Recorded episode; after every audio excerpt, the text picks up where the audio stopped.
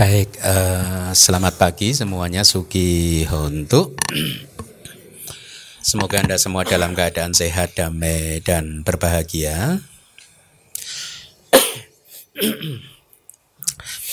Kita kembali bertemu di kelas Pariyati Sasana, also known as kajian kitab suci.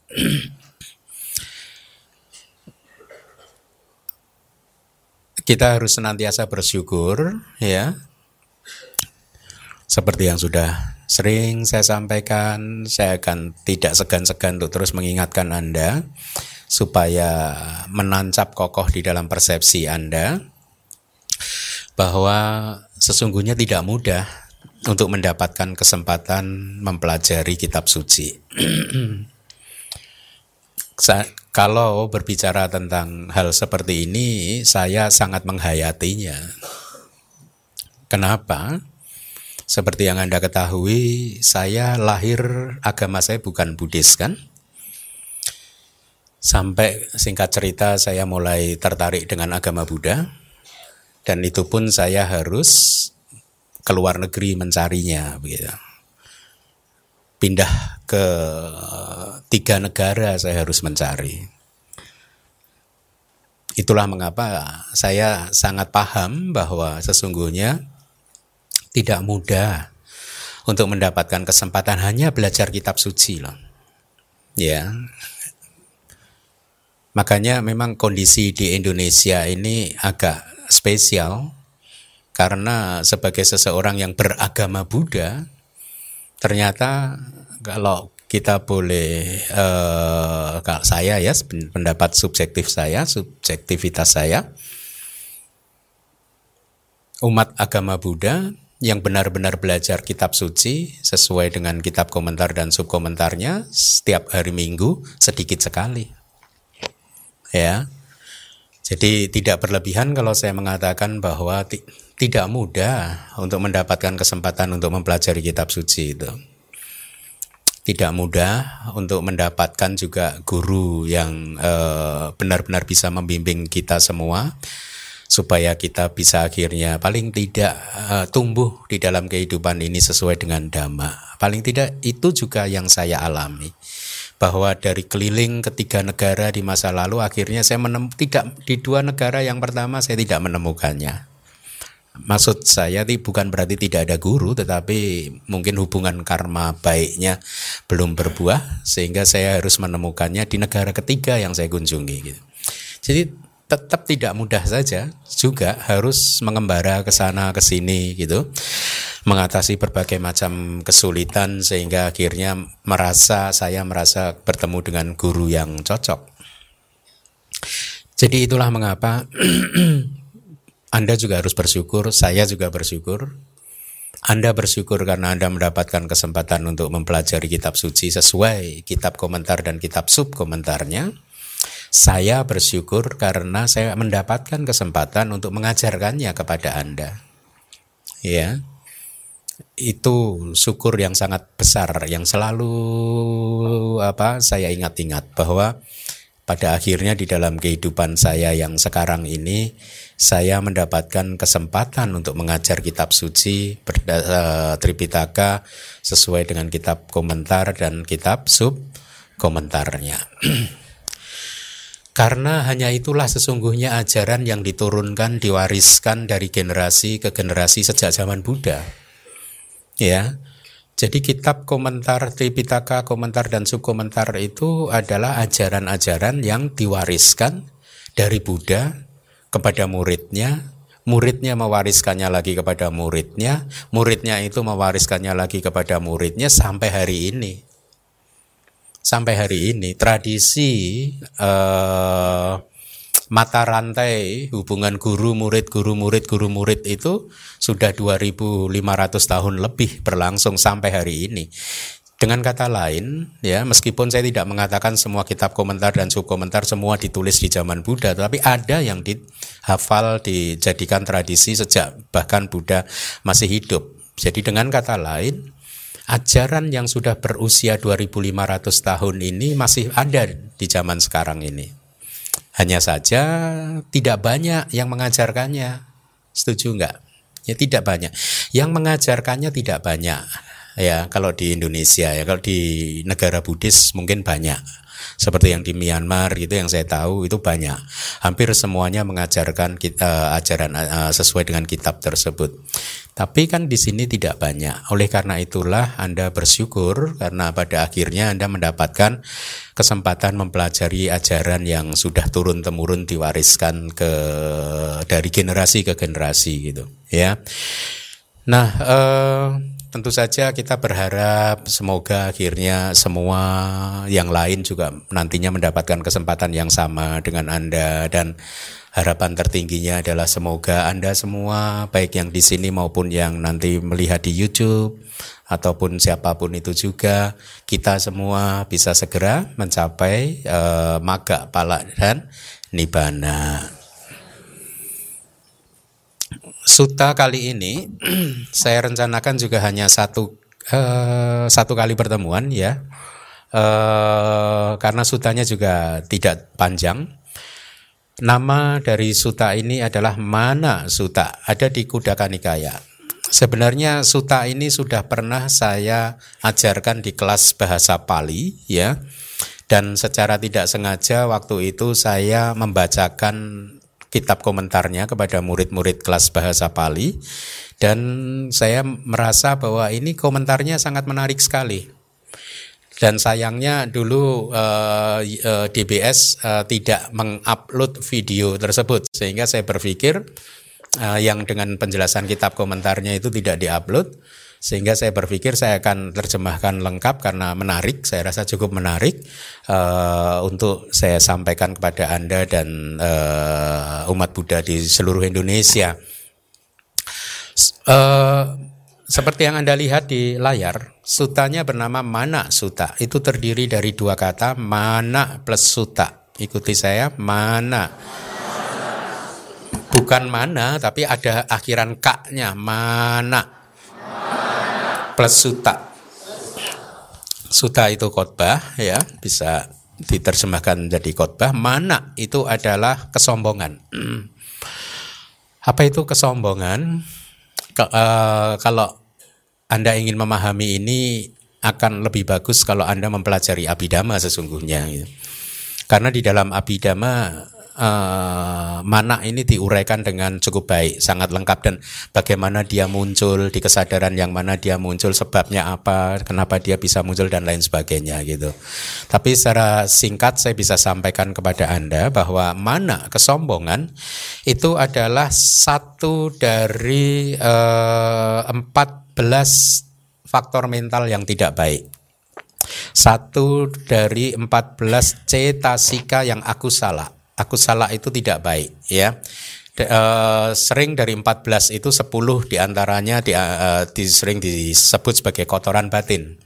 Tapi sing, uh, apa pun itu juga ya kita ambil semuanya 14 aku salah cetasika ini atau faktor mental yang tidak baik ini ini yang sesungguhnya membuat manusia ini tidak bahagia kehilangan kebahagiaan, kehilangan kedamaiannya, dan bahkan lebih celaka lagi, kalau ini sering muncul dan kalau itu berupa karma produktif yang menghasilkan pati sandi atau ke, eh, kelahiran kembali, penyambung kelahiran kembali, maka mereka ini bisa memunculkan lima agregat di empat apaya, memunculkan eh, kelahiran kembali di salah satu dari empat alam apa ya? Anda tahu kan empat alam apa ya? Tahu apa saja? Neraka, peta, asura, binatang. Ya, nah eh, 14 inilah. Maka mungkin bagus sekali kalau Anda mulai mendengar apa saja sih 14 dan saya akan sampaikan secara singkat. kalau kita klasifikasikan ke dalam grup uh, loba dosa moha katakanlah tidak sesuai dengan urutan yang ada di abidama. Grup pertama grup loba. Loba itu adalah keserakahan, ya. Di dalam kelompok keserakahan ini ada dua faktor mental aku salah yang lain, yaitu yang disebut yang pertama didik adalah yaitu pandangan salah. Ini adalah pandangan salah yang menganggap ada aku, ada diri, ada roh dan lain sebagainya. Pandangan salah yang tidak mem, tidak tahu bahwa ada hukum alam yang bekerja yaitu hukum karma ya e, pandangan salah yang tidak tahu bahwa sebenarnya hidup ini anicca pandangan salah yang menyadari bahwa ada hidup yang kekal, pandangan salah yang memahami bahwa kehidupan ini ya hanya sekali ini saja. Itu variasi-variasi dari pandangan salah. Atau pandangan salah tentang identitas diri ya.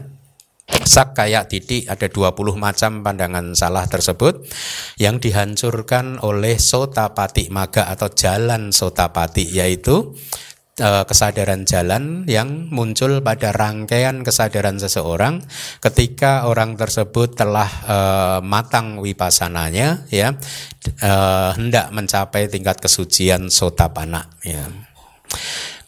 Kemudian faktor mental yang ketiga di kelompok loba tadi jadi loba titik yang ketiga adalah mana ini kesombongan ini. Jadi kesombongan itu berakar pada keserakahan. Ya pada pelekatan, pada nafsu kemelekatan, kesombongan itu gitu. Didik pandangan salah itu tadi juga berakar pada keserakahan gitu ya.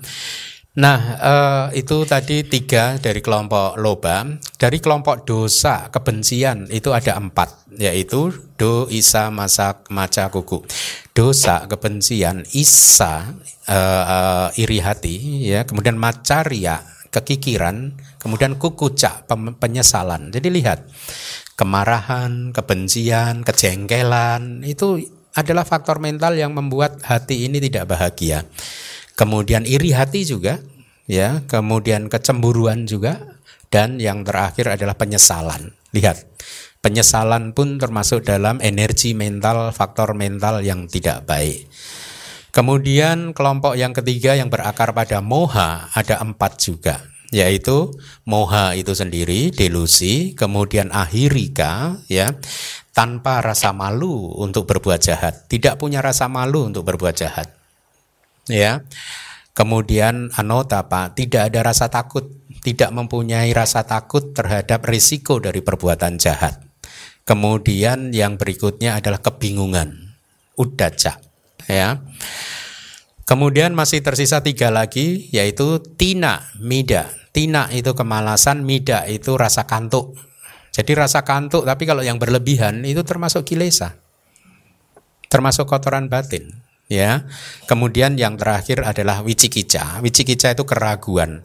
Ragu apakah benar sih ada kehidupan lampau atau tidak ragu benar nggak sih ada kehidupan yang masa depan atau tidak ragu terhadap kedua-duanya gitu ragu terhadap Buddha Dhamma Sangha latihan dan lain sebagainya ragu terhadap hukum yang bekerja di dalam kehidupan ini yang sesuai dengan patijak samupada atau dependensi kemunculan Keraguan-keraguan itu pun adalah juga kotoran batin dan inilah 14 aku salah cetasika atau faktor mental yang tidak baik yang benar-benar mencemari, mengotori hati kita, yang membuat kita nggak bahagia itu ya mereka itu gitu.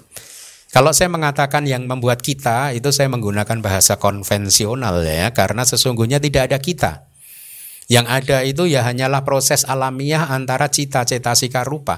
Kehidupan yang kita anggap sebagai saya atau milik saya ini sesungguhnya tidak ada saya, tidak ada milik saya. Yang ada hanyalah proses cita-cita sika dan rupa atau kesadaran, faktor mental dan fenomena materi yang muncul dan lenyap sesuai dengan hukumnya masing-masing ya yang terikat juga pada kondisi-kondisi tertentu. Nah, ini semua yang begini ini dipelajari di dalam abidama.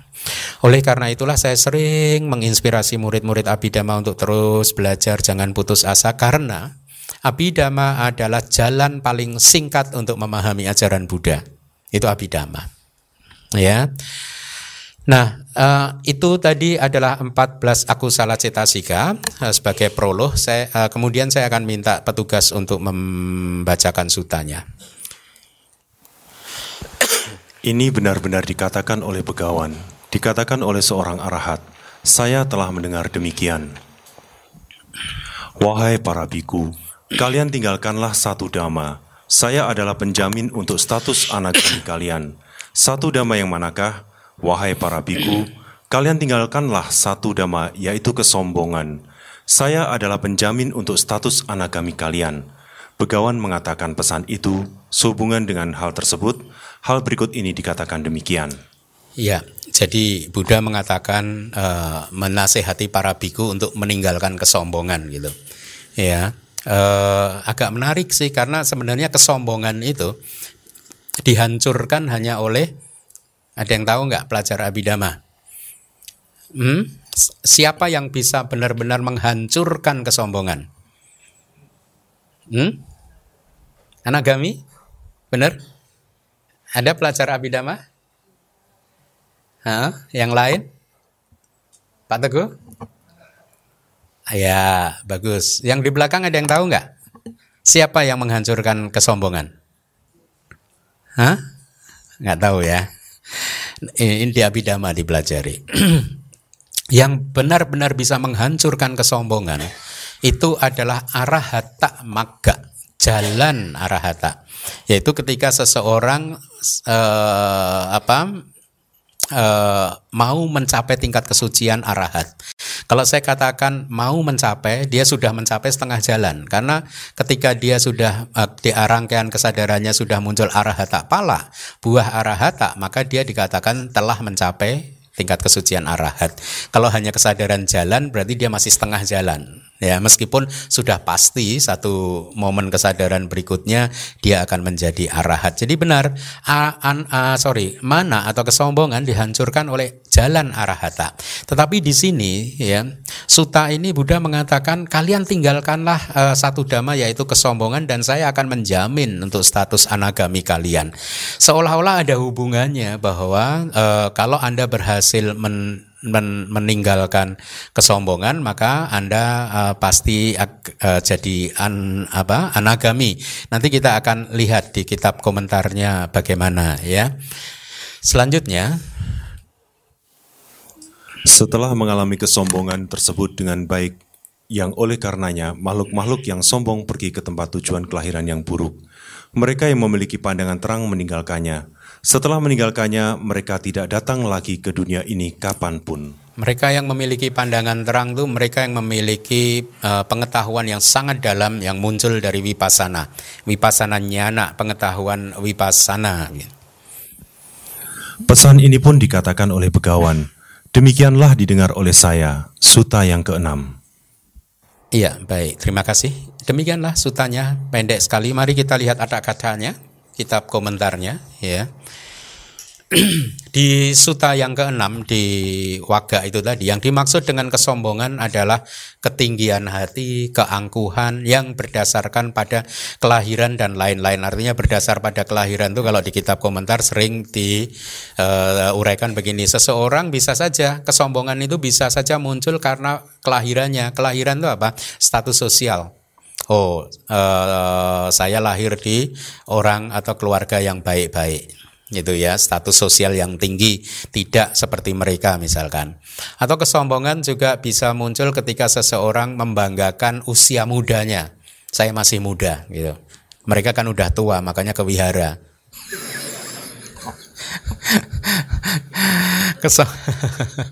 kesombongan juga muncul ketika seseorang membanggakan kesehatannya ya eh, dan lain sebagainya jadi itu uh, landasan-landasan yang bisa membuat kesombongan itu muncul begitu ya.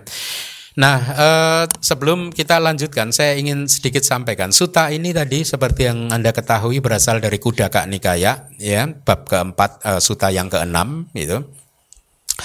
Kudaka Nikaya ini kalau di dalam aja kitab suci kita, dia adalah Nikaya yang terakhir. Seperti yang Anda ketahui, kita mempunyai panca Nikaya kan, lima Nikaya, yaitu apa?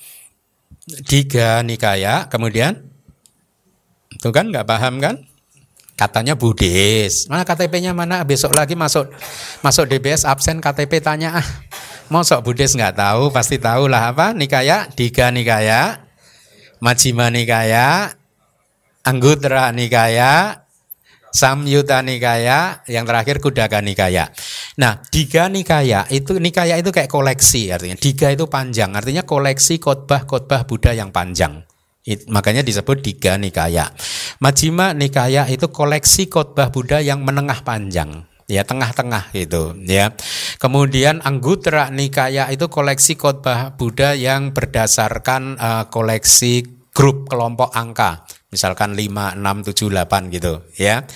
Kemudian uh, Sang Yuta Nikaya adalah khotbah yang saling terkait, koleksi khotbah yang berkaitan gitu. Maka dia dimasukkan di dalam uh, Sang Yuta Nikaya. Jadi lima Nikaya itu punya cirinya masing-masing. Kemudian Nikaya yang terakhir adalah apa tadi? Kudaka Nikaya. Kudaka itu artinya kecil, kecil atau minor. Jadi uh, kalau kita hanya memahami terjemahan makna dari Kudaka Nikaya, yaitu koleksi khotbah-khotbah Buddha yang kecil, maka kita akan keliru juga memahaminya. Kenapa? Karena ternyata di Kudaka Nikaya meskipun disebut sebagai koleksi khotbah yang minor, yang kecil, isinya itu tidak kecil, tidak minor. Ya, kenapa tidak kecil? Karena di dalam Kudaka Nikaya ini terdapat Abhidhamma Pitaka. Jadi Abhidhamma Pitaka itu adanya di dalam Kudaka Nikaya. Kemudian ada juga Winaya Pitaka. Winaya Pitaka itu adanya di dalam Kudaka Nikaya. Nah inilah mengapa ya e, mereka yang tidak paham sejarah itu sering mengatakan Abhidhamma bukan ajaran Buddha karena kan dulu nggak ada Abhidhamma Pitaka adanya dhamma, adanya nikaya. Nah, mereka nggak tahu kalau dhamma itu dulu abhidhamma itu masuk di dalam klasifikasi Kudaka Nikaya begitu ya. Kemudian ada buku-buku lain yang banyak sekali. Jadi kalau secara volume Kudaka Nikaya itu bukan volume yang kecil. Ya, volumenya besar. Yang saya juga tidak mengerti kenapa disebut sebagai Kudaka Nikaya begitu karena Seingat saya kitab komentar tidak memberi penjelasan spesifik tentang kenapa diberi nama sebagai Kudaka Nikaya itu.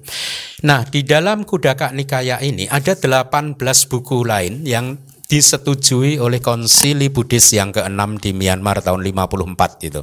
Jadi 18 buku itu termasuk misalkan Kudaka Pada, Dhamma Pada itu ada di Kudaka Nikaya ya, Udana dan lain sebagainya.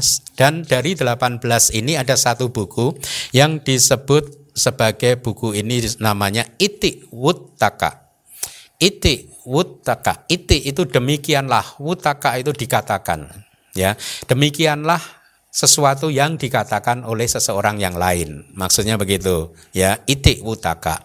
Nah, di dalam kitab itik utaka ini salah satu sutanya ini yang kita akan pelajari pada pagi hari ini. Di buku tersebut itu ada 112 khotbah pendek dari Buddha dalam bentuk bentuknya khusus yaitu prosa atau puisi. Makanya Manak suta ini juga bentuknya uh, itu prosa atau puisi itu tadi begitu itu itu ya. Nah, kitab komentar menjelaskan sejarah dari Itiwutaka. Jadi sejarahnya Itiwutaka ini adalah suta-suta yang diberikan oleh Buddha kepada orang lain. Salah satu pendengarnya adalah seorang perempuan yang bernama Kujutra. Kujutra itu ya adalah pembantu ratu kalau nggak salah Samawati, istri dari Raja Udena ya, dari Kosambi.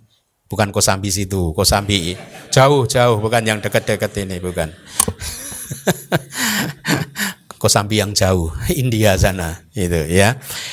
Nah, eh, dia adalah pelayan dari Ratu Samawati, istri Raja Udena. Dan yang menarik adalah diceritakan bahwa Kujudara meskipun dia statusnya sebagai pelayan, dia ini seorang sotapana. Gitu ya. Jadi eh, sering bertemu dengan Buddha karena dia senang mendengarkan dhamma gitu. lihatlah kalau kita baca kitab ini ya disebutkan bahwa Kujutara ini hampir setiap hari kalau Buddha ada di dekat Kosambi sana akan mengunjungi Buddha hanya untuk mendengarkan dhamma. Ya, lihatlah ya. Makanya kita umat Buddha juga begitu. Kalau ada pembelajaran Tripitaka, kitab komentar, kitab subkomentar, datanglah karena kesempatan itu sangat berharga. Ya, lo kan beda Bante yang diajarkan Buddha dulu sama sekarang enggak sama yang diajarkan Buddha ada di kitab sekarang kok ditulis di dalam kitab kok sama saja ya. Nah, singkat cerita, dia setiap kali mendengarkan uh, khotbah itu setelah pulang ke kerajaannya dia akan menceritakan kepada teman-temannya. Ada berbagai versi cerita ya.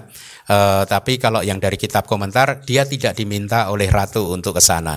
Tapi kalau dari buku lain saya baca yang saya tidak bisa melacak kitab komentarnya dikatakan bahwa ratu yang meminta dia untuk mendengarkan ceramah Buddha, kemudian dia menyampaikan, uh, dia diminta untuk menyampaikan ulang kepada ratu. Tapi ternyata di kitab komentar dari Iti Utaka ini tidak bercerita demikian, hanya diceritakan bahwa Kujutara sering mendengarkan ceramah Dhamma, kemudian setelah pulang ke istana dia akan menceritakannya kepada teman-teman pembantu lain dan salah satu pendengarnya kemudian adalah Ratu Samawati cepat uh, di beberapa setelah berselang beberapa waktu ratu menjadi tertarik untuk ikut mendengarkannya. Jadi Kujutra ini berjasa besar dalam memperkenalkan ratu dan para pembantunya pada ajaran Buddha gitu ya. Uh, karena di dalam semua itiwutaka ini berisi uh, khotbah Buddha yang disampaikan ulang oleh Kujutra, maka di seluruh buku Itiwutaka ini mempunyai ciri yang khusus, yaitu kalimat pembuka dan kalimat penutupnya gitu. Kalimat pembukanya itu selalu berkata begini, Wutang hetang bhagawata, Wutang arahatati me sutang gitu ya. Kalau yang di kelas bahasa Pali hari Minggu sudah kita jelaskan ini. Wutang hetang bhagawata, sungguh ya, ini telah dideng uh, telah disampaikan oleh begawan gitu. Telah dikatakan oleh begawan gitu. Utam arahatati mesutang gitu. Jadi sungguh uh, ini telah disampaikan oleh begawan. Demikianlah uh, ini telah disampaikan oleh arahat. Demikianlah yang telah saya dengar. Kira-kira seperti itu ya. Jadi itu ciri dari sutanya kalimat pembuka dan juga kalimat penutupnya nanti ada ayampi atau wuto bagawata iti me sutang. Artinya pesan ini pun dikatakan oleh begawan, demikianlah yang didengar oleh saya. Kira-kira begitu. Jadi lihatlah ada yang saya appreciate adalah saya suka ketika membaca kalimat ini saya menangkap ada honesty, kejujuran dari Kujutera ya bahwa beliau menyampaikan ini uh, Kujutara ya menyampaikan ini karena dia telah mendengar dari Buddha begitu. Makanya saya sering kepada murid-murid Abhidhamma kalau mengajar kalau apa pakailah referensi yang benar gitu. Di samping itu menunjukkan kejujuran kita, kemudian yang lain adalah memberi kesempatan kepada murid kalau nanti ada keraguan atau dia ingin mengeksplorasi lebih dalam lagi, mereka bisa melakukannya karena kita memberikan sumber referensinya begitu ya. Nah, suta ini juga makanya saya ter tergetar ketika ketika merenungkan oh betapa Kujutara itu jujur. Dia kan bisa berkata tanpa menyebutkan ini bahwa ini telah dikatakan oleh Begawan. Dia menyebutkan aja, oh tinggalkanlah kesombongan, ya, misalkan gitu, bisa kan? Tapi enggak, itu tidak dilakukan. Dan karena suta itu berciri demikian, maka kemudian suta ini oleh konsili konsili Buddhis diberi nama uh, kitabnya diberi nama Iti Wutaka ya ya demikianlah yang telah dikatakan uh, gitu. Nah uh, selanjutnya mari kita lihat penjelasan di kita uh, dari komentarnya. Alasan dia disebut sebagai kesombongan lihat.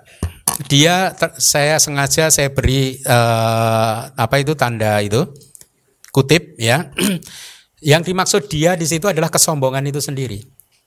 Jadi kitab komentar benar-benar di sini menghindari pandangan salah adanya aku gitu.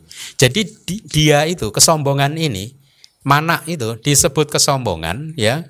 Alasannya kenapa? Karena di, disebabkan olehnya disebabkan oleh kesombongan orang-orang membayangkan dengan cara demikian saya lebih baik dan seterusnya. Ya. Jadi yang membuat seseorang itu membayangkan dirinya lebih baik itu adalah siapa? Faktor mental yang disebut kesombongan. Dan seterusnya itu artinya eh, ada dua lagi kan? Eh, saya saya lebih baik, saya sederajat sama dengan yang lain, kemudian saya lebih rendah atau hina dibandingkan orang lain. Ini pun tiga-tiga ini adalah kesombongan atau definisi yang berikutnya Kesombongan itu membayangkan diri sendiri ya sebagai tadi lebih baik, sederajat atau lebih rendah. Jadi kesombongan membayangkannya sendiri sebagai lebih baik, sama dan lebih rendah gitu. Kemudian alternatif definisi yang berikutnya adalah karena kesombongan adalah atau karena kesombongan adalah pemberian penghormatan kepada diri sendiri atau pujian pada diri sendiri. Artinya ya kesombongan itu begitu itu, yaitu manifestasinya perwujudannya adalah pemberian penghormatan kepada diri sendiri atau pemberian pujian pada diri sendiri begitu. Suta ini harusnya menarik ya. Nanti kita lihat sampai akhir bagaimana. Kesombongan ini ada tiga jenis yang berikut ini. Ikuti saya, kesombongan yang membayangkan bahwa saya lebih baik. Dua, kesombongan yang membayangkan bahwa saya sama dengan orang lain. Tiga, kesombongan yang membayangkan bahwa saya hina Hina itu lebih rendah, inferior begitu ya. ya. Jadi yang membayangkan kesombongan bukan saya karena memang sesungguhnya dalam konteks realitas hakiki, kebenaran yang tertinggi tidak ada saya, Anda, roh kami, siapa pun yang ada hanyalah tadi nama, rupa atau cita, cetasika dan rupa gitu. Nah, uh, un, itu tadi adalah uh, tiga jenis kesombongan. Dari tiga jenis kesombongan ini, ada kata mengelaborasi lagi sehingga akhirnya kita dapatkan sembilan macam atau jenis kesombongan. Ya, jadi masing-masing dari tiga kesombongan tadi itu bervariasi menjadi masing-masing menjadi tiga. Berarti akhirnya tiga kali tiga sembilan ya. Yang pertama adalah seseorang yang lebih baik. Artinya ini yang seseorang sebenarnya ini benar-benar lebih baik. Statusnya secara secara objektif dia ini memang statusnya lebih baik gitu. Tapi dia membayangkan satu saya lebih baik. Bahkan dia lebih baik membayangkan dia lebih baik aja itu kesombongan loh. Lu kan benar toh Bante. Iya benar. Nggak perlu diomongin lah ya enggak sih? Atau dia membayangkan saya sama sederajat dengan orang lain. Atau membayangkan saya hina ya bagi seseorang yang lebih baik eh, statusnya lebih baik. Dengan cara yang sama buat dua yang lain yaitu seseorang yang kolom kedua yang sama atau yang sederajat dia membayangkan dirinya lebih baik. Atau dia membayangkan saya sama atau sederajat atau dia membayangkan saya hina dengan cara yang sama di kolom yang ketiga, seseorang yang sebenarnya statusnya hina membayangkan saya lebih baik, saya sama dan saya hina. Oleh karena itu, di kelas-kelas yang lalu saya sering mengatakan kan, jangan di uh, jangan salah loh, kesombongan itu tidak hanya muncul pada orang yang derajatnya tinggi loh. Pengemis pun juga punya kesombongan loh. Binatang juga punya kesombongan. Ya, yang udah nggak punya kesombongan tadi arahat ya sotapana sakadagami anagami masih itu. Nah, mari kita lanjutkan. Jadi sekarang ada berapa jenis kesombongan? Sembilan. Muncul dari akarnya berapa tadi? Tiga. Ya. Di kitab komentar disampaikan begini. Kesombongan memiliki karakteristik ketinggian hati. Ya, kalau di Abhidhamma dijelaskan seperti banner, seperti pataka bendera yang dikibarkan setinggi-tingginya supaya orang tahu ini loh saya. Itu ya. Ya, dia dikibarkan supaya orang yang dari jauh pun tahu itu saya gitu. Kira-kira begitu. Ya. Fungsinya adalah egoisme, arogan. Egoisme, karena tadi saya katakan kesombongan muncul dari loba mula cita, yaitu kesadaran yang berakar pada keserakahan, ya, keserakahan terhadap diri sendiri sebenarnya, ya, egoisme, arogan, atau e, fungsinya adalah untuk memberikan pujian kepada diri sendiri. Manifestasi dari kesombongan atau perwujudannya adalah sifat yang meninggikan diri atau memuji diri sendiri. Sebab terdekatnya adalah ini dari kitab komentar suta bukan Nabi Dhamma sebab terdekatnya dikatakan keserakahan yang tidak terkait dengan pandangan salah. Nah ini adanya di Abhidhamma. Loh katanya suta Bante. Nah, ini Kitab komentar sutanya pun menjelaskan sesuai dengan abidama. Jadi begini, sebab terdekat kemunculan kesombongan dikatakan sebagai keserakahan yang tidak terkait dengan pandangan salah. Itu bagaimana? Kalau yang sudah belajar abidama tahu bahwa loba mula cita atau kesadaran yang berakar pada keserakahan itu ada delapan. Ya, dari delapan kesadaran loba mula cita itu dibagi menjadi empat itu muncul bersama dengan pandangan salah ya pandangan salah yang tadi sudah saya katakan. Empat sisanya tidak muncul dengan pandangan salah. Ya, jadi keserakahan itu kadang muncul bersama dengan pandangan salah. Kadang juga dia muncul tidak disertai pandangan salah. Ya. Tapi bukan berarti ada pandangan benar di sana. Karena pandangan benar itu adalah dhamma yang indah. Tidak bisa bercampur dengan dhamma yang tidak baik. Seperti air dan minyak nggak akan bisa dicampur. Ya. Tapi pandangan salah tidak muncul gitu. Ya, walaupun demikian Anda harus hati-hati, jangan berpikir oh sekarang di batin saya tidak ada pandangan salah, berarti nggak ada keserakahan. Belum tentu. Karena keserakahan bisa muncul tanpa pandangan salah. Nah, ketika keserakahan muncul tanpa pandangan salah inilah kesombongan bisa saja muncul. Saya katakan bisa saja muncul karena kesombongan termasuk aniata, ani, uh, tidak harus muncul itu ya. Kadang dia muncul kadang dia tidak. Tapi kalau dia muncul dia hanya muncul di dalam empat kesadaran yang berakar pada keserakahan ya yang tidak disertai dengan pandangan salah. Ya ini sangat abidama. Saya tidak bisa menghindarinya karena ternyata kitab komentarnya juga mengatakan hal yang seperti itu gitu. Nah eh, dikatakan di dalam kitab pandangan salah dan kesombongan tidak bisa muncul bersamaan. Ya. Jadi kalau pandangan salah sedang muncul, kesombongan tidak bisa muncul. Kalau kesombongan sedang muncul, maka pandangan salah tidak bisa muncul. Kitab komentar memberikan perumpamaan yang sangat indah. Karena ke, kenapa mereka tidak bisa muncul bersama? Karena mereka berdua ini diibaratkan seperti dua ekor singa ya, yang sama-sama jagoannya sehingga mereka tidak bisa tinggal di dalam satu gua yang sama. Gitu. Salah satu harus mengalah gitu, harus minggir gitu. Dua singa nggak bisa dia hidup barengan di dalam gua yang sama. Uh, tidak boleh ada matahari kembar gitu. Kenapa begitu? Karena kualitas dari pandangan salah dan juga kesombongan itu berbeda, gitu. Berbedanya dalam model kemunculannya. Kalau pandangan salah itu muncul dalam bentuk keliru menginterpretasikan, keliru mengartikan lima agregat ini sebagai ada uh, sebagai diri atau roh. Itu pandangan salah. Ya, ketika Anda keliru mengartikan agregat ini ada roh, ada diri, maka pada saat itulah pandangan itu salah, uh, pandangan salah itu muncul. Sedangkan kesombongan muncul dalam bentuk penilaian terhadap diri sendiri yang berlebihan. Ya membayangkan diri sendiri berlebihan. Berlebihan itu bagaimana? Tidak harus berlebihan itu artinya membayangkan diri kita sendiri sebagai lebih baik. Bahkan membayangkan diri kita sama atau hina itu dianggap berlebihan. Ya, jadi makanya karena ciri karakteristik yang berbeda itulah pandangan salah dan kesombongan tidak bisa muncul bersama-sama begitu ya. Nah, mari kita lihat uh, penjelasan berikutnya. Tadi Buddha mengatakan kalian tinggalkanlah ya. Sutanya kan tadi berkata, wahai para biku, kalian tinggalkanlah satu dhamma. Apa itu satu dhamma? Yaitu kesombongan itu tinggalkanlah gitu. Saya adalah penjamin untuk status anagami kalian. Satu dhamma yang manakah? Wahai para biku, kalian tinggalkanlah satu dhamma, yaitu kesombongan. Saya adalah penjamin untuk status anagami kalian. Jadi, eh,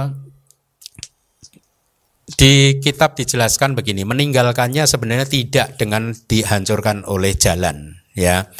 Jadi ketika seorang biku hendak bermeditasi, ya, kalau di Myanmar itu biasanya kan begitu, ada dua center yang berbeda, yaitu Pariyati Center, tempat untuk belajar tri, uh, kitab, kemudian ada Pati-Pati Center, pusat meditasi, itu, ya. Uh, jadi dua center ini berbeda. Kalau yang di Pariyati Center tempat belajar biasanya bikunya ya hanya uh, mendedikasikan waktunya untuk belajar itu dari jam 4 pagi sampai jam 10 malam kalau di wihara tradisional gitu. Kalau kita di universitas sistemnya agak modern, tidak harus seperti itu gitu. Di pusat uh, meditasi Pati-Pati Center juga begitu. Kegiatan selalu mulai dari jam 4 pagi sampai jam 10 malam. Itu terus berlatih begitu, ya. Nah, jadi di dalam kitab dijelaskan ketika seorang biku hendak berlatih, maka sejak awal dia dianjurkan oleh Buddha untuk tinggalkanlah kesombongan. Gitu. Jadi sejak awal dari latihannya Buddha menganjurkan tinggalkanlah kesombongan.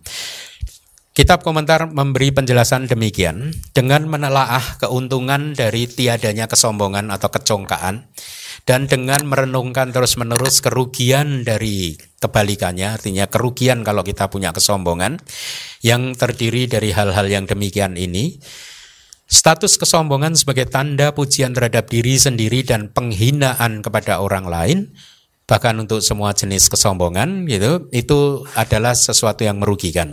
Status kesombongan sebagai sebab terhadap tiadanya perbuatan untuk salam penuh hormat lihat ini. Ya.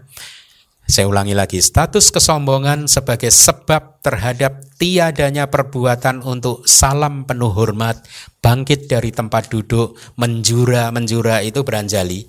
Jadi saya di buku akhir-akhir ini sudah tidak menggunakan kata anjali lagi. Karena ternyata di samping mungkin tidak eksis di Kamus Besar Bahasa Indonesia, ternyata saya menemukan kata yang eksis di Kamus Besar Bahasa Indonesia yaitu menjura. Nah, Anda juga baru dengar kan? Baru dengar ya? Padahal saya waktu kelas 2 SD kalau baca komik Kopingho, Kopingho itu udah pakai menjura loh. Kalau Anda baca komik Kopingho lihat, ingat-ingat. Itu saya 2 SD itu tahun 75 76 itu sudah ada dan ternyata eksis. Saya ingat kan, kemudian saya ketik di Kamus Besar Bahasa Indonesia, itu ternyata eksis. Ya udah, saya pakai aja menjura gitu. Ya, itu anjali, anjali gitu. Jadi kesombongan membuat seseorang nggak mau memberi hormat, nggak mau bangkit dari tempat duduk ketika anggota sangga datang, ya kan? Kayak, tadi misalkan ya, saya masuk kan Anda bangkit dari tempat duduk. Dan itu tradisi Buddhis yang bagus. Tapi kalau orang yang punya kesombongan dia nggak akan bangkit, cuek aja. Ya gitu kemudian menjura nggak menjura nggak memberikan penghormatan dalam bentuk yang lain gitu. Serta sifat kesombongan menjadi sebab untuk terjadinya kecerobohan karena membanggakan status kelahirannya status sosialnya membanggakan statusnya sebagai laki-laki dan lain-lain gitu. Ya. Jadi eh, di dalam kalimat kalian tinggalkanlah artinya adalah kalian tinggalkanlah di kitab komentar sesungguhnya mengatakan kalian tinggalkanlah kesombongan itu melalui jalan anagami setelah mengembangkan vipassana.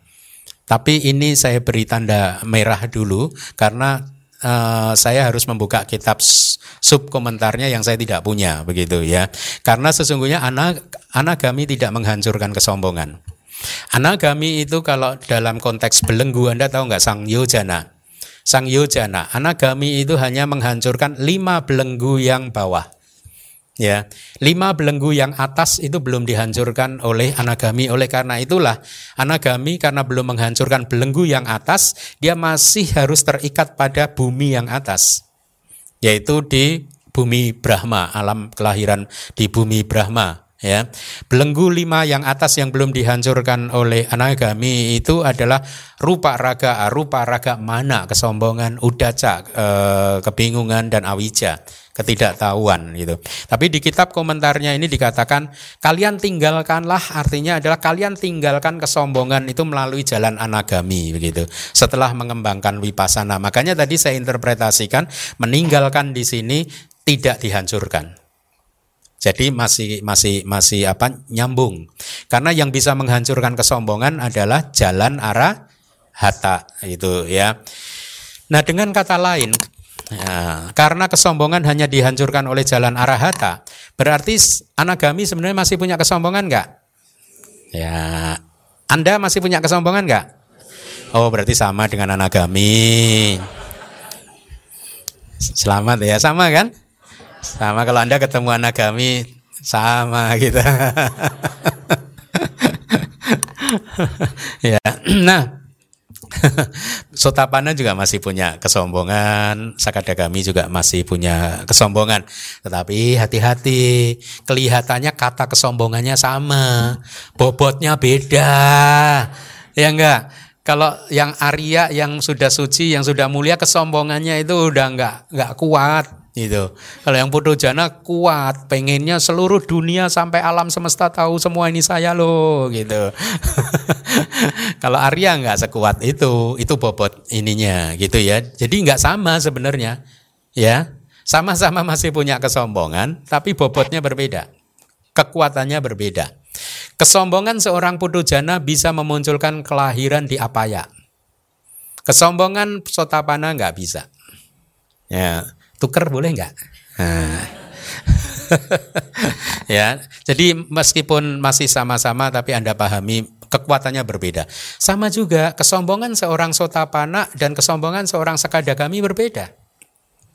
Kesombongan seorang sakadagami sudah jauh lebih lembut daripada kesombongan seorang sotapana. Kesombongan seorang anagami dan kesombongan seorang sakadagami juga berbeda. Kesombongan seorang anagami udah lembut, udah hampir habis, udah hampir padam ya sehingga nggak akan bisa muncul lagi. Karena satu langkah lagi dia mencapai tingkat kesucian arahat dia hancur kesombongan tersebut begitu. Nah kalian tinggalkanlah tadi kata-kata Buddha. Kemudian saya coba karena tadi ada kalimat yang uh, kesombongan itu ditinggalkan melalui jalan anagami ya. Setelah mengembangkan wipasana maka saya uh, karena pengetahuan yang lain tidak mendukung ini, karena kesombongan hanya dihancurkan oleh jalan arahata, maka tinggalkanlah itu interpretasinya adalah ditinggalkan karena kata pahana itu juga berarti pelenyapan. Dilenyapkan melalui berbagai cara. Ada cara lima macam jenis pelenyapan kotoran batin. Yang pertama adalah ikuti saya pelemahan melalui pelumpuhan. Bahasa palinya wikambana pahana. Maksudnya pelenyapan melalui pelumpuhan itu artinya kotoran batin dalam hal ini pancak niwarana, lima rintangan batin yang menghalangi Anda semua untuk mencapai konsentrasi benar dilumpuhkan dengan samadhi itu, dengan jana. Ya, jadi ketika Anda mencapai jana, Anda mencapai pelenyapan kotoran batin atau pelenyapan pancak niwarana dengan jalan melumpuhkannya. Dilumpuhkan, belum dibunuh. Ya, nanti kalau udah nggak lumpuh dia muncul lagi. Ketika Anda keluar dari jana, dia muncul lagi. Kira-kira begitu, karena dia hanya lumpuh saja. Tapi pelenyapan yang kedua adalah ikuti saya, pelenyapan melalui faktor yang berlawanan. Yaitu tat dangga bahana.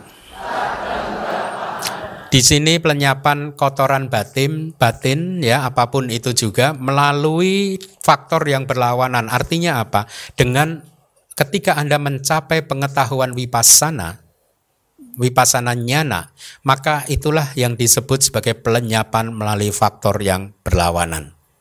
Ya. Ada banyak sekali pengetahuan vipassana gitu ya. Itu maksud dari pelenyapan yang kedua. Saya sedang bermaksud menjelaskan kepada Anda bahwa anagami yang disampaikan oleh Buddha di suta ini hanya Buddha mengatakan me, e, menyampaikan itu dengan konteks tinggalkanlah kesombongan. Maka tinggalkan yang mana? Dilenyapkan dengan cara yang mana?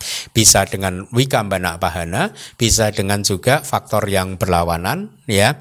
Kemudian yang ketiga adalah pelenyapan melalui kehancuran.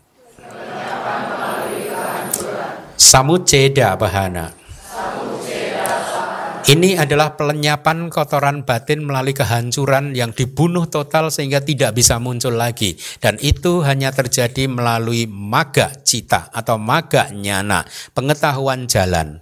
Ada empat pengetahuan jalan, sotapati maga nyana, sakadagami maga nyana, anagami maga nyana, arahata maga nyana. Masing-masing maka itu kesadar uh, pengetahuan jalan ini menghancurkan kotoran batin sesuai dengan levelnya. Ada kotoran batin yang paling kasar dihancurkan oleh sotapati maganyana ketika seseorang mau mencapai sotapana. Ada yang dihancurkan, yang lain dihancurkan oleh sakadagami maganyana. Sisanya lagi dihancurkan oleh anagami maganyana. Sisanya yang terakhir diberantas oleh arahata maganyana. Jadi semua maganyana atau pengetahuan maga ini menghancurkan kilesa-kilesa yang spesifik ya spesifik sesuai dengan uh, apa tingkatannya. Kemudian yang keempat adalah pelenyapan melalui peredaan. Pati pasadi bahana. Ini adalah pelenyapan kotoran batin yang terjadi melalui kemunculan pala cita atau pala nyana, pengetahuan yang ada di kesadaran buah. Ya, lo tadi kan dihancurkan di kesadaran jalan, Bante. Kok ini masih ada kesadaran buah? Ingat, minggu lalu saya sudah memberi perumpamaan. Ibaratnya seseorang membakar ladang yang e, mengganggu, ya, dibakar ladang yang kering dibakar. Ketika apinya sudah padam, asapnya masih mengepul kan? Nah, jadi ketika kalau kan tujuannya mau di bumi hanguskan tanpa ada asap, maka asapnya supaya hilang disiram oleh air. Begitu ya. Nah, membakar ladang rumput yang kering tadi adalah perumpamaan untuk maga cita, kesadaran jalan. Ketika membakar semua kilesa sehingga dia bisa uh, mati semuanya.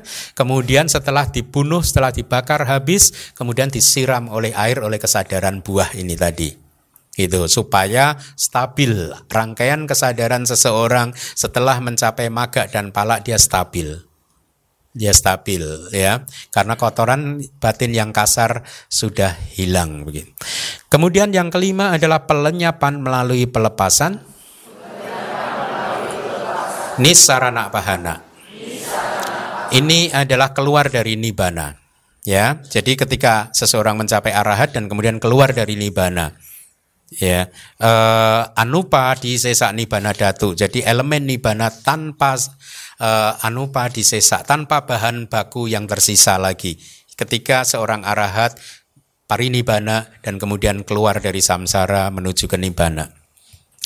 Makhluk-makhluk yang sombong itu penjelasannya adalah melalui kesombongan yang berdasarkan pada kebanggaan terhadap kelahiran mereka, kebanggaan pada status mereka sebagai laki-laki, bahkan juga sebagai perempuan, yang menjadi sebab untuk terjadinya kecerobohan.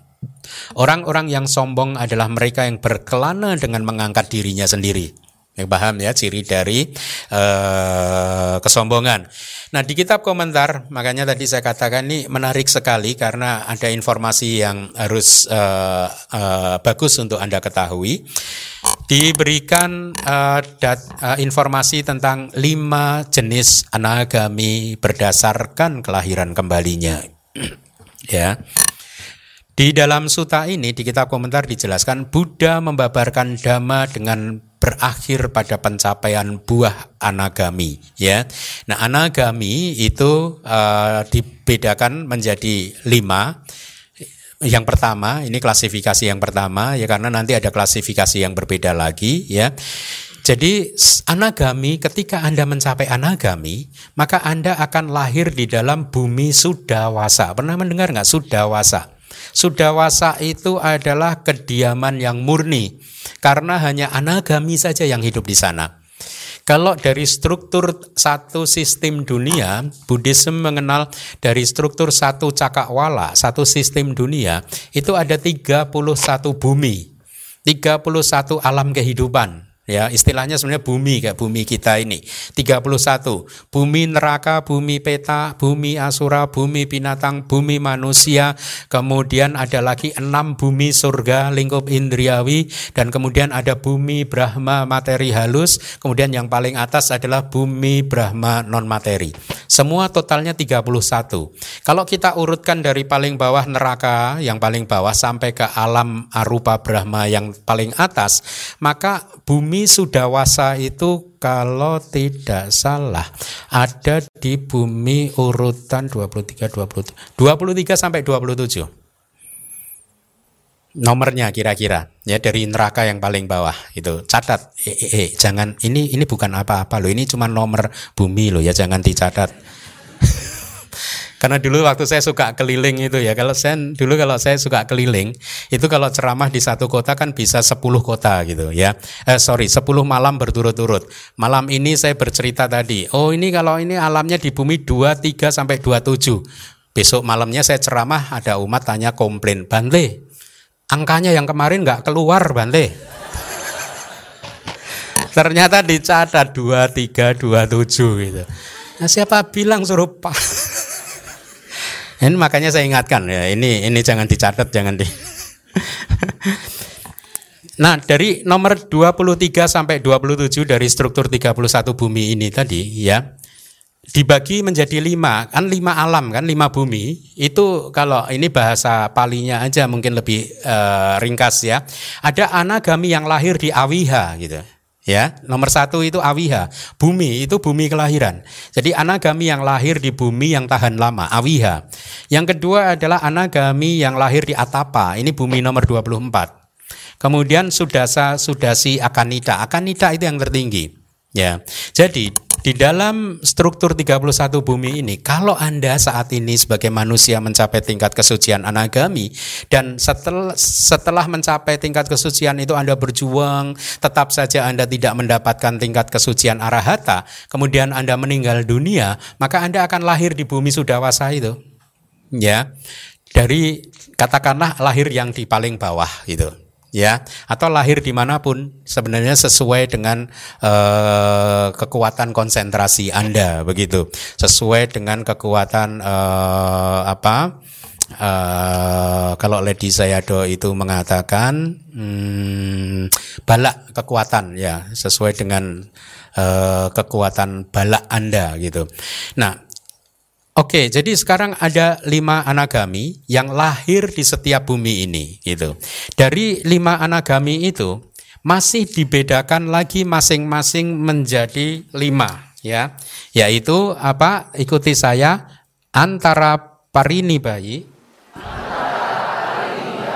yang yaitu pencapai nibana di interval. Artinya sebelum setengah usianya dia sudah mencapai tingkat kesucian arahat dan parinibbana. Ya. Yang kedua adalah upahaca parinibayi. Pencapai nibana setelah mendekati kehancuran kehidupan. Artinya di sini dia mencapai tingkat kesucian arahat ketika rentang usianya mau habis. Jadi begini maksudnya, ya uh, saya jelaskan dulu. Ketika seseorang itu lahir di bumi Sudawasa, di, di bumi mana pun sesungguhnya, itu ada bumi-bumi tertentu yang mempunyai rentang usia yang tertentu. Itu ya yang tertentu. Kalau tidak salah itu di sudawasa yang ter, terbawah yang awiha tadi ya itu rentang usianya adalah seribu mahakalpa mahakapa. Itu lama sekali Mahakapa itu lamanya kayak apa sih? Anda dengarkan ceramahnya Bante Wisuda ini yang baru saja diupload oleh DPS. Jadi itu seribu, seribu mahakapa. Kemudian bumi yang di atasnya lagi dua kali lipat, dua ribu. Bumi yang di atasnya lagi yang ketiga dua kali lipat lagi, empat ribu mahakapa. Bumi yang berikutnya delapan ribu, yang berikutnya enam belas ribu. Begitu ya. Jadi maksudnya kalau Anda adalah seorang an anagami antara parinibayi yang pertama, maka Anda akan mencapai nibana di interval, artinya sebelum mencapai usia pertengahan. Se sepertinya nanti akan dijelaskan. Jadi mungkin uh, kita baca dulu saja. Yang ketiga adalah asangkara parinibayi yaitu pencapai nibana tanpa pengerahan daya upaya. Dia nggak repot untuk mencapai tingkat kesucian arahatnya. Yang keempat sak sangkara parinibayi. Pencapai nibana dengan mengerahkan daya upaya. Ya. Yang kelima adalah udang soto akan nidagami anagami yang naik ke atas menuju ke bumi yang tertinggi tadi yang disebut akanita. Jadi seorang anagami yang telah lahir di Awiha, Atapa, Sudasa, Sudasi, empat bumi yang paling rendah itu tadi, ya, dia mencap yang mencapai nibana atau melalui uh, ya mencapai tingkat kesucian arahat, ya, dengan tanpa melewati pertengahan dari rentang usianya maka dia disebut sebagai anagami jenis yang pertama gitu ya. Nah eh, kemudian kalau seorang anagami yang lahir di empat bumi tadi yang bawah dia mencapai tingkat kesucian eh, anagaminya ketika sudah mendekati kehancuran, maka dia disebut sebagai jenis anagami yang Kedua, anagami yang ketiga adalah anagami yang mencapai nibana dengan tanpa pengerahan daya upaya, artinya tanpa usaha yang berlebihan, tanpa kesulitan, dan tanpa penderitaan.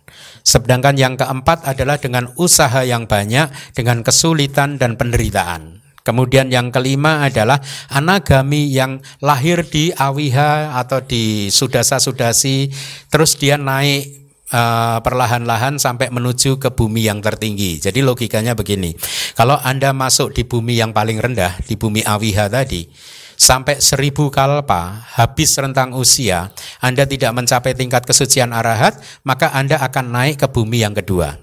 Ya, di sana 2000 kalpa katakanlah, Anda tidak mencapai tingkat kesucian anagami, Anda masuk ke bumi yang ketiga.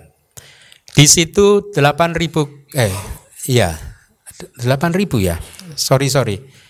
Uh, 4000 sorry ya. Tadi 1000 2000 4000 masuk ke bumi yang ketiga. Kalau sampai 4000 mahakalpa Anda nggak mencapai arahat, jangan khawatir. Anda lahir di bumi yang keempat.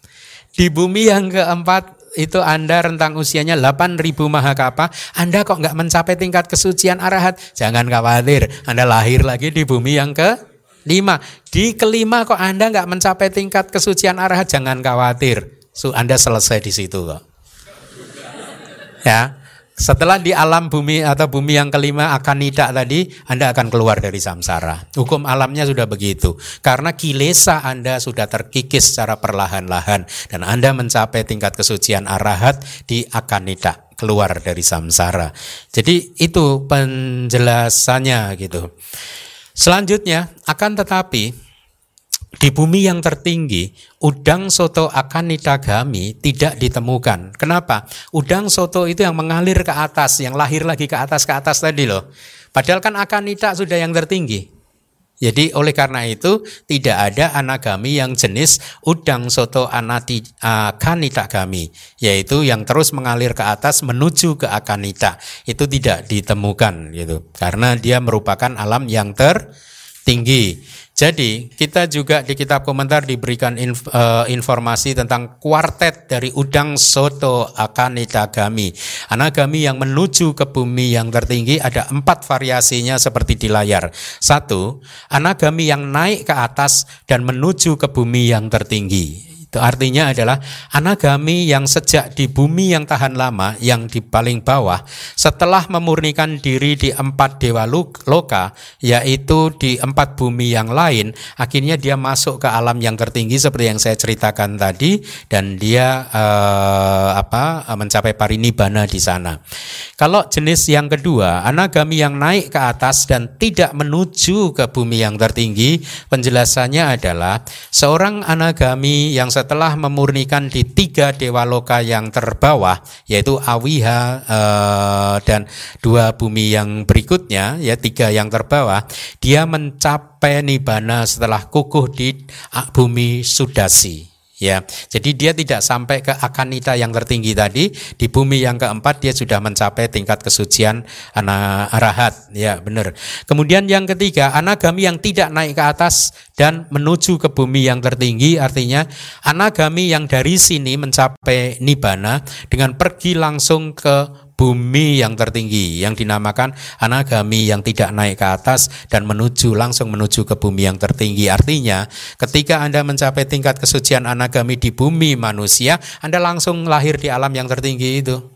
Ya, dia Anda tidak naik-naik-naik lagi gitu. Ya.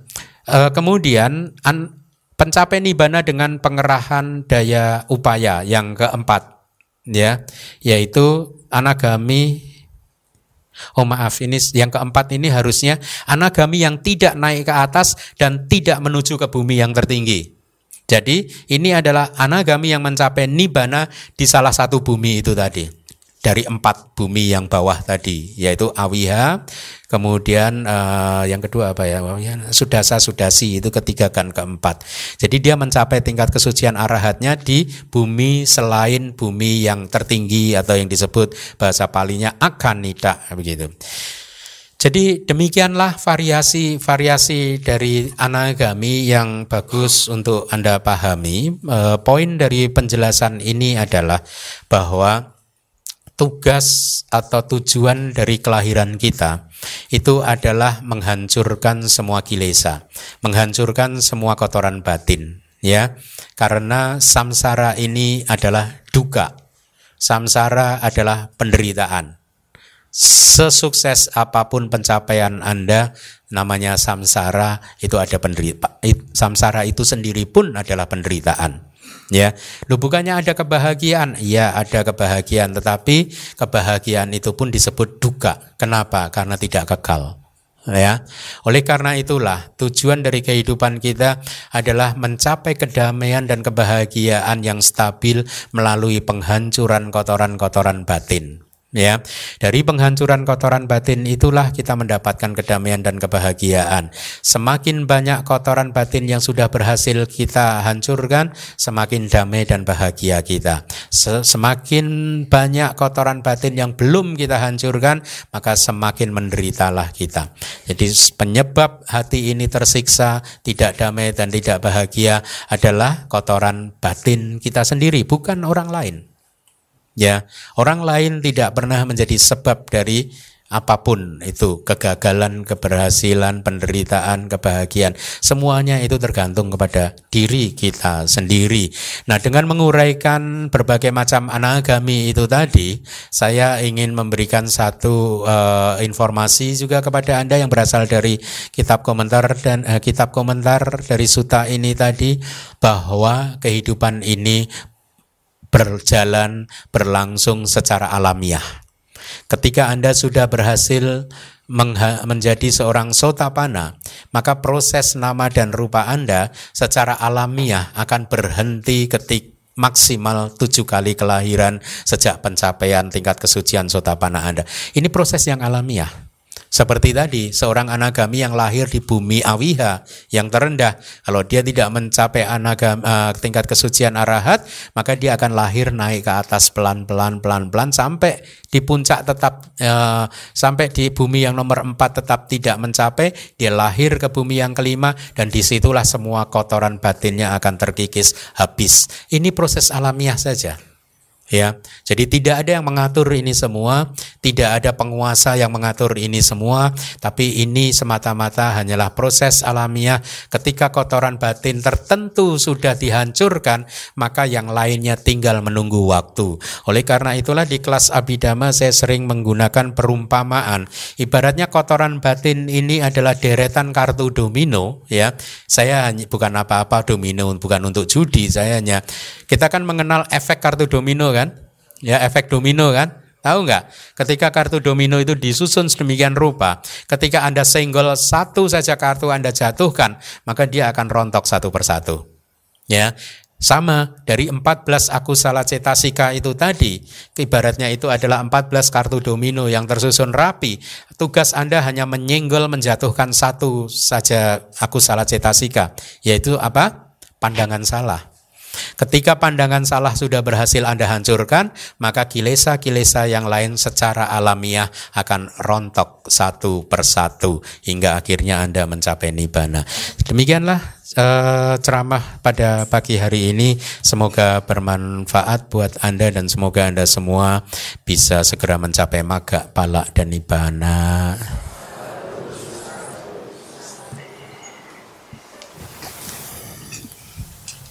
Sugihanto Bante, uh, saya ada tiga pertanyaan yang mau saya tanyakan. Uh, pertanyaan yang pertama menyangkut tadi penjelasan Bante tentang contoh pada saat anggota sangha masuk ke ruangan. Umat dipersilakan berdiri sebagai bentuk penghormatan. Nah pertanyaan saya yang pertama, apakah ini termasuk uh, tradisi atau ada dalam khotbah-khotbah Sang Buddha tentang tata cara bagi umat awam menghormati orang suci? Oh, tata cara. Nah, itu yang pertama Bante. Yang kedua adalah kaitannya dengan ceramah hari ini. jika itu uh, bentuk penghormatan yang diberikan oleh umat, umat kepada anggota sangha, sangha atau yang menjadi kehidupan suci, apakah itu menjadi faktor pendukung untuk memunculkan faktor kesombongan tadi? Oke. Okay. Gimana? At, itu menjadi faktor pendukung untuk uh, munculnya faktor kesombongan di dalam hati kalau tidak melakukan itu tadi ya. Ya, ya, ya. Oke. Okay. Yang ketiga, apakah ada tips and trick atau dari khotbah Sang Buddha tentang uh, bagi umat awam seperti kami tentang masalah uh, menekan faktor kesombongan tadi? Untuk menekan faktor menekan. Oh, oke, okay, oke. Okay. Terima kasih, Bante. Ya. Baik, yang pertama adalah tentang eh, apa perbuatan baik ketika bangkit dari tempat duduk, bahkan memberi tempat duduk. Kalau di kitab-kitab itu diberikan eh, penjelasan, kemudian tadi memberikan air minum, misalkan ada banyak, atau dengan beranjali, menjura, kemudian eh, merendahkan diri dengan cara, kalau di Myanmar misalkan uh, jangan sampai kita ini duduk di tempat yang lebih tinggi daripada biku begitu ya. Kalau saya biku junior jangan sampai juga uh, duduk di tempat yang lebih tinggi dari biku senior gitu.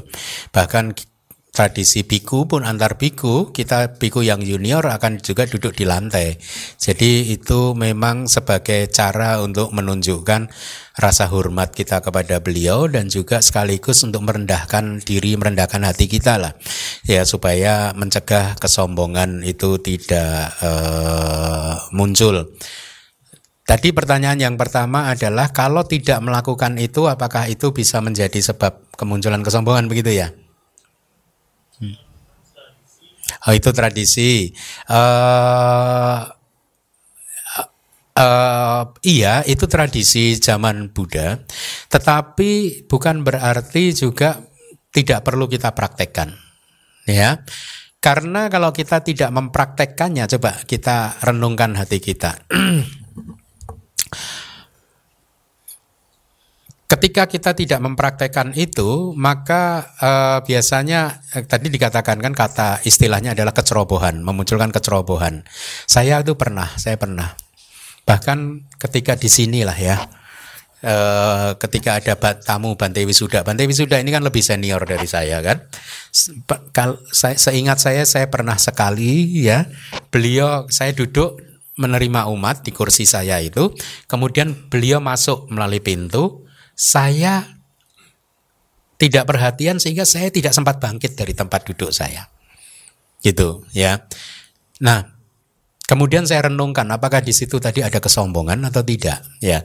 Yang saya temukan adalah pada saat itu sati saya sedang tidak sempurna.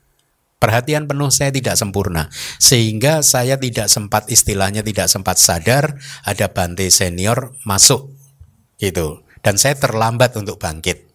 Itu pernah uh, sekali kejadian. Nah, saya renungkan kemudian Abhidhamma mengajarkan kepada kita ketika kesadaran kita nggak ada perhatian penuh, maka kesadaran jatuh dalam aku salah. Ya. Apakah itu kesombongan atau tidak yang muncul itu harus dipenetrasi melalui meditasi. Bisa jadi itu kesombongan. Bisa jadi gitu. Karena yang pasti tidak ada faktor mental sati Ketika tidak ada faktor mental sati, maka yang muncul 12 aku salah cita yang mana? Nah, itu baru tahu persis kalau dipenetrasi melalui uh, konsen uh, ketika kita berwipasana, ya. Jadi saya rasa ya meskipun itu tradisi, tapi lebih baik itu dilakukan karena kalau tidak dilakukan ya analisanya seperti saya tadi. Ya, akhirnya membuat apa yang harus saya lakukan? Oh, Semoga besok lagi saya nggak mengulangi hal seperti ini. Semoga saya lebih mindful istilahnya ya, sehingga ketika ada bante senior datang saya segera sadar. Gitu. Jadi tahu ya, saya sedang ada umat di depan saya, saya duduk di kursi di atas itu, sedang uh, menjelaskan sesuatu ke umat. Bante itu udah ketok pintu, udah masuk, saya terlambat bangkit. Dia duduk, saya baru sadar. Waduh. Tapi ya kita kan tidak diajarkan untuk menyesali kan. Apa yang diajarkan ke kita? Recognizing, pahamilah bahwa itu perbuatan yang tidak baik. Kemudian berjanjilah ya kalau perlu minta maaf kepada beliau saya lakukan minta maaf atau tidak? Hmm, saya lupa. Ya, uh, minta maaf. Kemudian yang ketiga kita hati-hati supaya tidak terulang lagi di masa depannya. Jadi itu jawabannya. Meskipun itu tradisi, tapi lebih bagus itu dilakukan. Ya karena dari pengalaman saya tadi itu. Kalau menurut saya itu aku salah. Waktu saya gagal bangkit itu dari Bante Wisuda itu nggak baik. Kesadaran saya sedang berada dalam kesadaran yang tidak baik. Bisa aja su, sudah pasti kayaknya itu keserakahan sih. Loba mula cita ya jadi lebih baik uh, uh, dilatih untuk bisa merendahkan uh, hati kita begitu dengan cara-cara bangkit dari tempat duduk dan lain sebagainya kemudian yang kedua harusnya sudah terjawab juga sama kan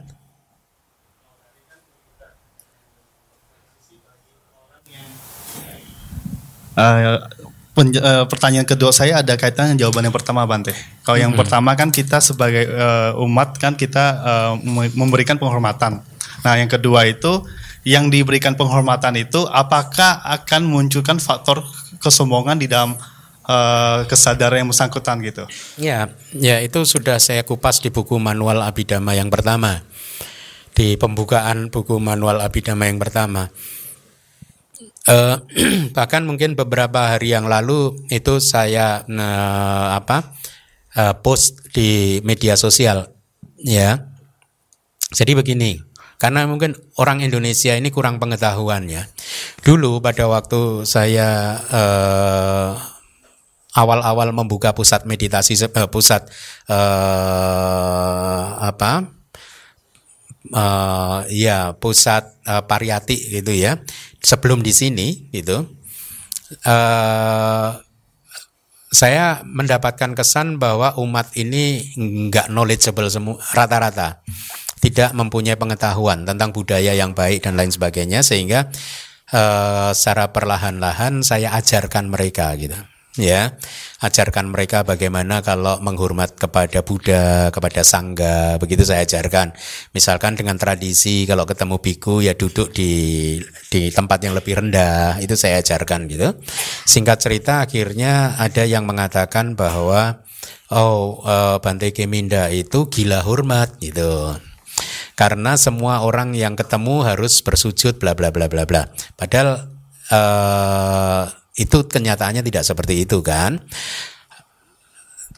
Nah, jadi dia ini tidak mempunyai pengetahuan bahwa ini adalah tradisi yang bagus, tidak hanya itu untuk merendahkan hati, ya tidak hanya untuk menekan kesombongan, tapi itu adalah bentuk kebajikan juga.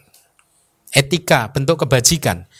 Dengan kata lain, ketika Anda sedang mempraktekkan itu semua, Anda itu tidak hanya sedang menekan kesombongan, tapi Anda juga sedang melakukan kebajikan. Jadi kalau Anda duduk di lantai ketika bertemu dengan seorang biku, itu Anda sedang melakukan kebajikan. Anda atau dengan kata lain, Anda sedang menanam benih karma baik di dalam rangkaian kesadaran Anda sendiri. Itu kan? Jadi Anda bersujud dan lain-lain bukan untuk anggota sangga bukan untuk saya, tapi untuk Anda sendiri. Yang akan melakukan kebajikan dan juga untuk menghormati arahat daja ini simbol dari arahat yaitu jubah ini. Itu di buku itu saya tulis gitu ya. Nah bagaimana dengan orang seperti saya anggota sangga yang uh, di depan saya ada umat sedang uh, ber, katakanlah bernama sekarang begitu bersujud bagi saya itu berbahaya kalau saya tidak mindful, tidak menerapkan perhatian penuh terhadap nama dan rupa, maka kesombongan bisa saja muncul. Ya toh? Nah, oleh karena itu eh, bagaimana kalau pertanyaan Anda terhadap yang diberi penghormatan? Nah, itu akhirnya jadi tanggung jawab masing-masing. Kita tidak bisa menilai apakah yang diberi penghormatan pasti memunculkan kesombongan, nggak ada yang tahu. Yang tahu ya yang bersangkutan. Jawaban saya ini sama persis dengan ketika ada umat yang menanyakan, "Oh, saya melihat seorang biku kalau di ini bersentuhan dengan seorang perempuan gitu." Dan dia melanggar winaya jelek sekali kira-kira begitu. Saya katakan belum tentu juga. Karena winayanya mengatakan bersentuhan itu harus cita kak, harus dengan cita. Kalau citanya itu punya cita yang bernafsu, dia baru melanggar. Makanya saya katakan dengan contoh His Holiness Dalai Lama, maaf sering dengan uh, apa itu uh, foto-foto itu kan sering ada kan bersinggungan dengan perempuan. Apakah His Holiness melanggar? Ya yang tahu beliau. Istilahnya begitu. Dan kita pasti tahu kalau beliau adalah uh, seseorang tokoh Buddhis yang hebat, pasti dia tahu bagaimana menjaga dirinya sendiri kan.